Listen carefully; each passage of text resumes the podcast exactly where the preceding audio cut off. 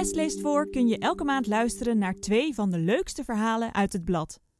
Volg ons op Spotify, iTunes of SoundCloud om niks te missen.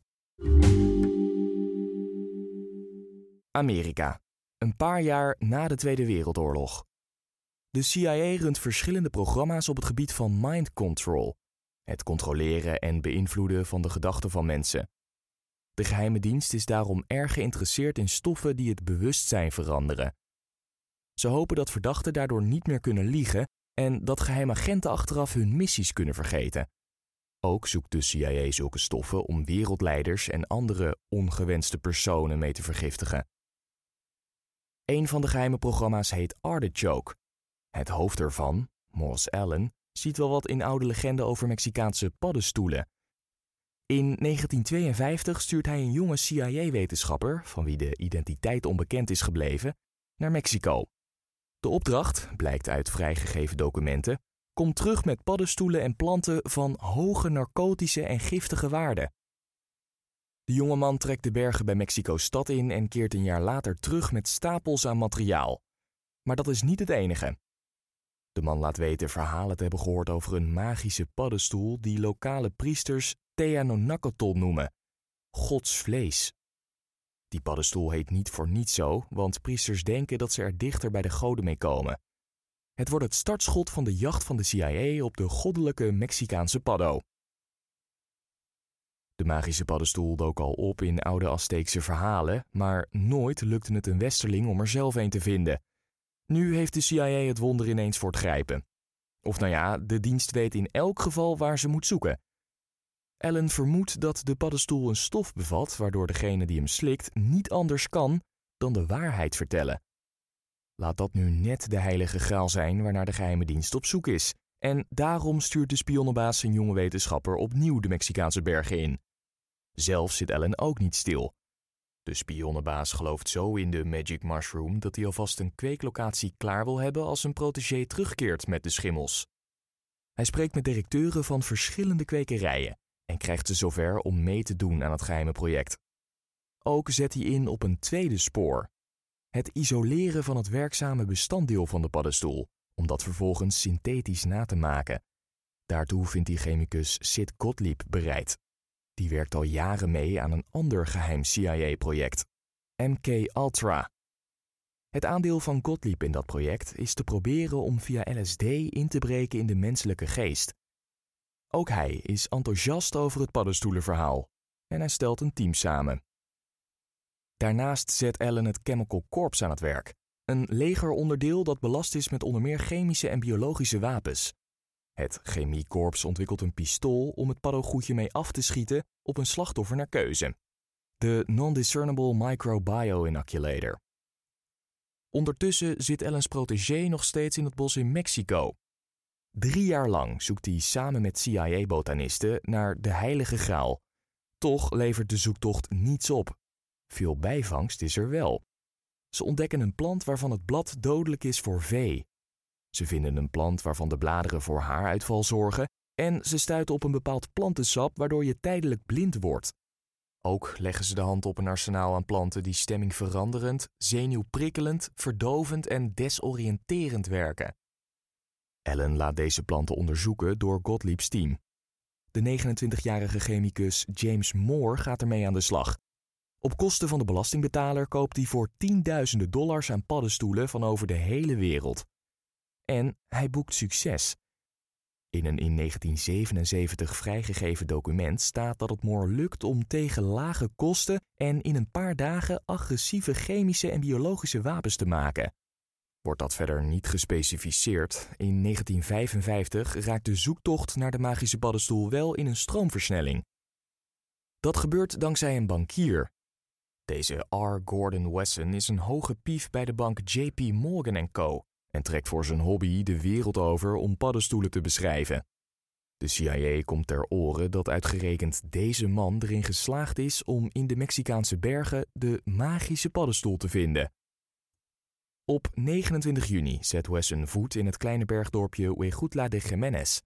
Daar treffen hij en zijn reisgenoot een Mazateek, een Indiaan die Spaans spreekt en hen best wil inwijden in de geheimen van de magische paddenstoel. De Mazateek neemt hen mee naar een diep ravijn waar er talloze van groeien. Ze plukken er enkele tientallen en dan neemt de man hen mee naar de sjamaan van het dorp, Maria Sabina. Terwijl de avond invalt zijn Wesson en zijn reisgenoot de eerste twee westerlingen die mogen meedoen aan het heilige paddenstoelenritueel in het dorp. Het wordt een avond om nooit te vergeten. Na het eten van de paddenstoelen volgen intense hallucinaties waar pas een einde aan komt als het licht wordt. Later schrijft Wesson erover in het tijdschrift Life. Ik zag kunstmotieven in heldere kleuren en paleizen met tuinen. Het was een soort schizofrenie. Het is de eerste gedocumenteerde beschrijving van een paddotrip uit de westerse geschiedenis. Als de CIA hoort dat Wesson het jaar erop weer gaat, wil ze mee. Chemicus Moore meldt zich en zegt dat hij wel een stichting weet die wil meebetalen aan de trip. Zo koopt hij zich in.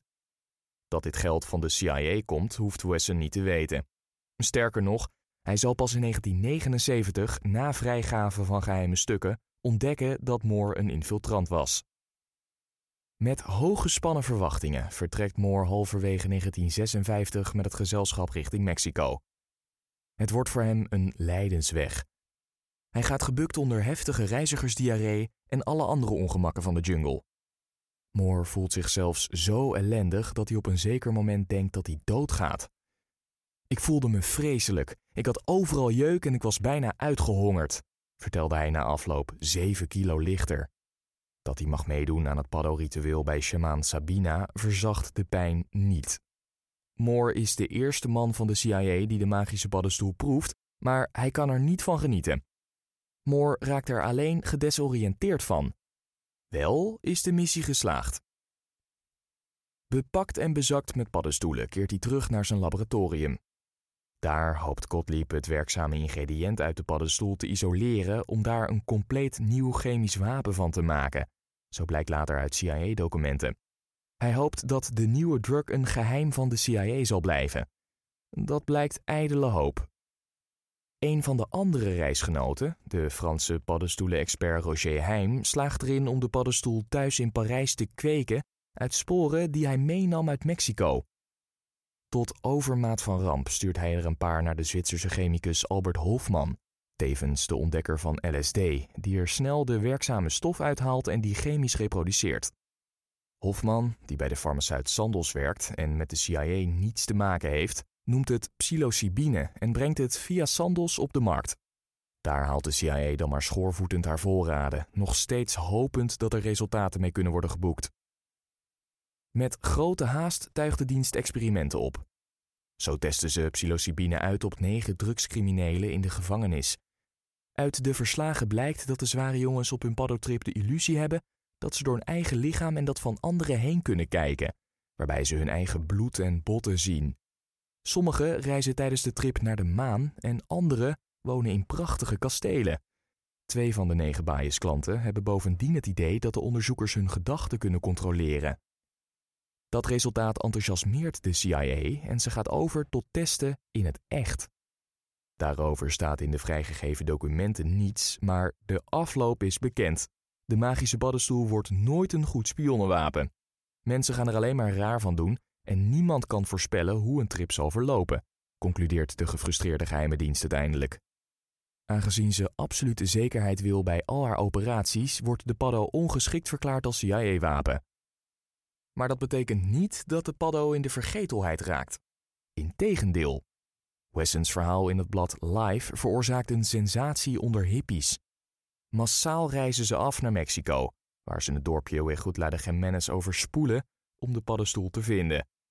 De paddo-gekte is ontketend. Later zal zo'n reis naar Mexico niet meer nodig zijn. De magische paddenstoel kun je lange tijd gewoon bij Nederlandse smartshops kopen, tot de verkoop in 2008 verboden wordt. De naam? Psilocybe cubensis. Maar iedereen kent hem als de Mexicaan.